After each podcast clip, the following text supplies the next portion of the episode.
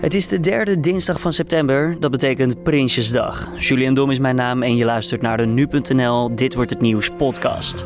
Zo praten we met onze sportredactie over de Champions League. PSV neemt het namelijk op tegen FC Barcelona. En Ajax speelt woensdag tegen AEK Athene. Nou ja, de Champions League, ze spelen letterlijk vanavond om 2,7 miljoen euro komt erbij per overwinning. En 0,9 miljoen euro als ze gelijk spelen. Dus ja, als Ajax wint van, uh, van AEK Athene, dan kunnen ze gewoon weer een, een rechtsbekje kopen. Verder zijn de Emmys uitgereikt. De belangrijkste prijzen voor de wereld van televisieseries. We've got one more award to go. The Emmy for Outstanding Drama Series goes to... En wat betreft Prinsjesdag zullen we je vanmiddag helemaal bijpraten met een speciale podcast-uitzending. Daarover ook zometeen meer. Eerst het belangrijkste nieuws van nu. De Verenigde Staten komt met nieuwe importtarieven voor 200 miljard dollar aan Chinese goederen. Er komt een heffing van 10% op goederen die vanuit China de VS in worden verscheept. Vanaf januari wordt het percentage zelfs verhoogd tot 25%. Volgens de Amerikaanse president Donald Trump volgen er nog meer heffingen indien de Chinezen tegenmaatregelen zullen nemen. De heffingen kunnen echter ook problematisch zijn voor de Amerikanen zelf. Mogelijk worden consumenten geraakt doordat bedrijven de importheffingen doorberekenen. Prijzen voor elektronica, voedsel, gereedschap en huishoudelijke apparaten kunnen daardoor stijgen. Nederland krijgt een fabriek voor biokerosine. KLM gaat die biologische brandstof gebruiken om schoner te vliegen. Daarover is in het AD te lezen. De provincie Groningen wordt genoemd als mogelijke locatie voor de fabriek. Rotterdam en Amsterdam komen naar voren als alternatieven. De Amerikaanse Senaatscommissie zal volgende week maandag een openbare hoorzitting houden vanwege de beschuldigingen van seksueel misbruik tegen kandidaat opperrechter Brett Kavanaugh. Zowel Kavanaugh als Christine Blasey Ford, die zegt dat ze jaren geleden door hem is misbruikt, worden dan gehoord. De hoorzitting betekent dat de benoeming van Kavanaugh tot opperrechter vertraging oploopt. En dan praten we over de Champions League vandaag in Dit wordt het nieuws. De groepsfase van de Champions League begint namelijk vanavond. PSV neemt het op tegen FC Barcelona en daarover praten we met Riepke Bakker van onze sportredactie. Het is voor het eerst in jaren dat we sowieso weer twee Nederlandse teams hebben die strijden in het miljoenenvoetbal. Ja, heerlijk. Ik, eh, ik zit handen wrijvend. Voor het eerst sinds 2010 is het om precies te zijn. Hebben we gewoon twee avonden achter elkaar een Nederlandse club in de Champions League. Mensen moeten wel uh, op tijd uit hun werk, hè? dat weet je. Oh, hoe laat beginnen we? Nou, zowel Barcelona tegen PSV als Ajax tegen AEK. Het begint al om vijf voor zeven. En daarna is dan de tweede wedstrijd om 9 uur. Uh, ja, jarenlang hebben we natuurlijk uh, de Champions League gehad om kwart voor negen. En nu is het ja, wat meer uitgesmeerd over de avond. Ja, zodat er weer meer mensen naar uh, het voetballen kunnen kijken. Ja, vroege tijd is voor de Champions League wedstrijden, maar dat mag de pret zeker niet drukken. Wat ook de pret niet mag drukken is natuurlijk het financiële plaatje. Want Ajax en PSV die hebben beide al flink wat miljoenen binnengeschoven. Hoeveel kan er nog bij komen als ze eh, met heel veel geluk doorgaan? Nou ja, de Champions League, ze spelen letterlijk vanavond om 2,7 eh, miljoen euro komt erbij per overwinning. En 0,9 miljoen euro als ze gelijk spelen. Dus ja, als Ajax wint van, uh, van AEK Athene, dan kunnen ze gewoon weer een, eh, een kopen. Zo, zo ja, groot, zulke grote stappen kunnen er gemaakt worden. En ja, PSV heeft al 35 miljoen euro verdiend. Ajax heeft al 40 miljoen euro verdiend. Dus ja, het is, uh, het is meer dan ooit is er dit jaar te verdienen in de Champions League. En ze lopen uit hè, in de eredivisie. Ja, dat is wel een beetje de, de, de, de, nou ja, de vrees die je nou, zeker in Rotterdam bijvoorbeeld hebt. Uh, ja, je ziet ja, dat andere topcompetities worden gedomineerd. Uh, ik noem Italië zeven keer achter elkaar, Juventus. Duitsland zes keer achter elkaar kampioen. Werd daar Bayern München. Ja, dat, dat zie je in Nederland ook steeds meer ontstaan. PSV en Ajax staan nu al een beetje los. Ja, die miljoenen komen erbij. En als het zo doorgaat, komen die miljoenen er volgend jaar weer bij.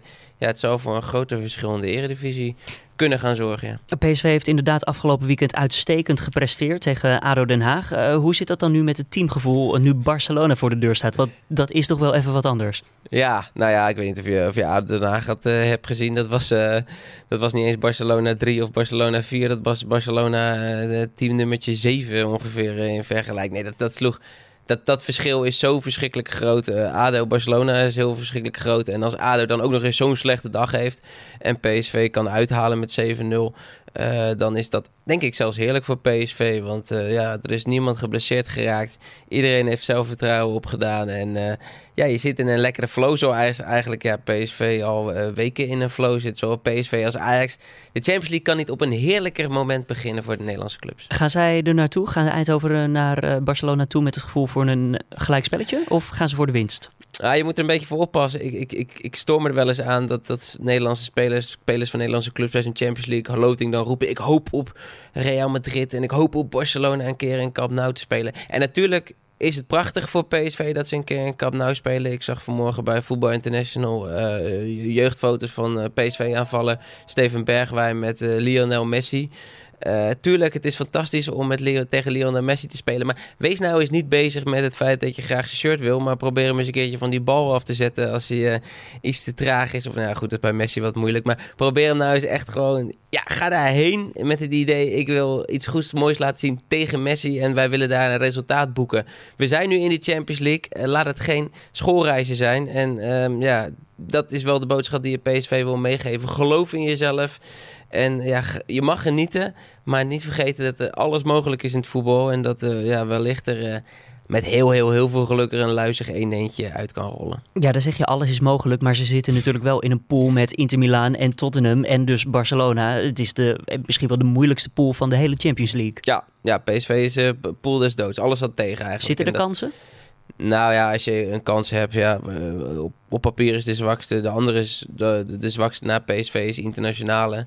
Uh, als je derde wordt in de Champions League, dan uh, ga je door naar de, naar de Europa League. En dat is, moet denk ik het doel zijn voor PSV in deze, deze pool. En als ze derde worden en zouden een van die drie grootheden achter zich, dan hebben ze het heel goed gedaan. En in de Europa League is het ook nog fantastisch toeven kan het zijn. Dat hebben we gezien bij Ajax anderhalf seizoen geleden, die, die de finale haalde. Dus ja, derde worden, um, dat is de opdracht voor PSV. Ja, voor Ajax is het iets anders. Uh, AEK ja, voor Ajax is het iets anders. AEK Athene staat voor de deur. Uh, verder zitten ze in de pool met Benfica en Bayern München. Al met al iets makkelijker. Laten we het niet helemaal bagatelliseren. Maar Ajax moet je punten kunnen pakken. Ja, Ajax moet uh, sowieso uh, morgen in, thuis in de arena tegen AEK Athene drie punten pakken. Ja, eigenlijk is het het ideale scenario voor Ajax op dit moment. Je hebt jarenlang die jaren gehad onder Frank de Boer... dat ze zo graag wilden overwinteren in de, in de Champions League... en dat het steeds ja, vaak net niet lukte.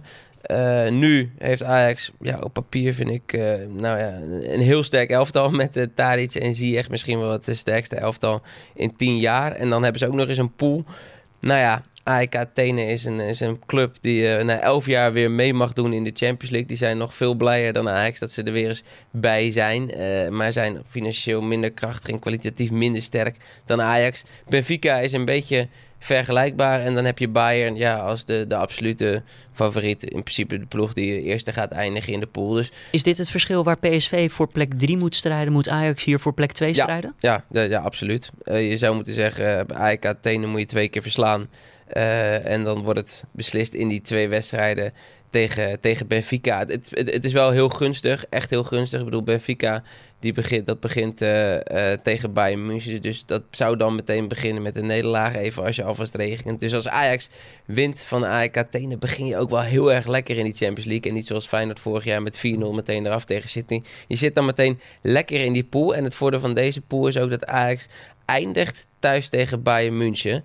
En waarschijnlijk, of de kans, waarschijnlijk, de kans is groot dat Bayern München dan al zeker is van de volgende ronde. En dan met een niet, nou, niet in de allersterkste opstelling gaat spelen. Dus dat het dan zelfs nog een klein kansje is voor Ajax. Dus alles lijkt redelijk gunstig voor, uh, voor Ajax. Riepke Bakker hoorde je van onze sportredactie.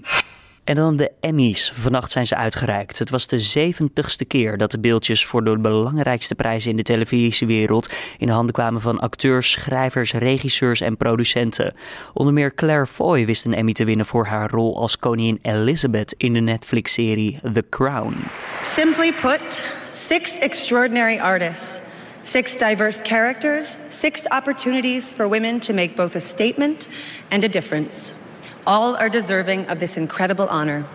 The Emmy for lead actress in a drama series goes to Claire Foy, The Crown. And then the Emmy for the Best Drama Series. We've got one more award to go. The Emmy for Outstanding Drama Series goes to Game of Thrones. Game of Thrones dus. Schrijver van de boeken, George R.R. Martin, stond ook op het podium. Dat betekent dat hij in ieder geval niet aan het schrijven was aan zijn laatste boek. Oftewel, fans kunnen daar nog wel eventjes op wachten. Maar in het voorjaar zal het laatste televisieseizoen van Game of Thrones wel weer starten op HBO. Mogelijkerwijs pakt de serie ook dan weer een prijs in de Emmy Awards.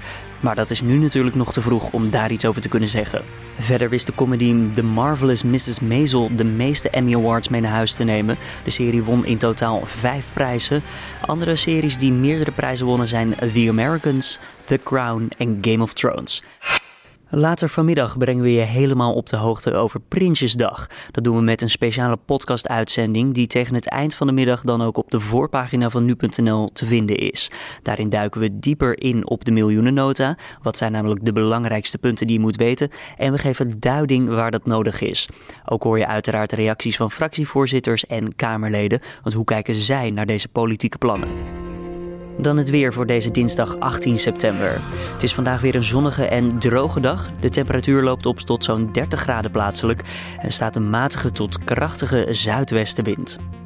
En nu we op het einde zijn van de podcast nog even iets opmerkelijks. Een kat in de Engelse plaats Bristol heeft namelijk een plastic tas vol drugs meegenomen naar zijn baasje. Ja, de kat viel naast de tas in slaap op het bed van zijn baasje, al dus de Britse krant Metro. De eigenaar ontdekte de drugs ochtends en schakelde daarna direct de politie in. In de zak lagen 30 kleine verpakkingen met daarin vermoedelijk cocaïne en heroïne. Al moet onderzoek nog even precies uitwijzen of het ook daadwerkelijk om deze drugs gaat. Het is vooralsnog onduidelijk waar de drugs vandaan komen. Dit was dan de Dit Wordt Het Nieuws podcast van deze dinsdag 18 september. Je vindt de podcast maandag tot en met vrijdag om 6 uur ochtends op nu.nl. Wat vond je van deze uitzending? Laat het ons weten via redactie.nu.nl of laat even een reactie achter in je eigen favoriete podcast app. Mijn naam is Julian Dom. Mooie dag voor nu en tot morgen.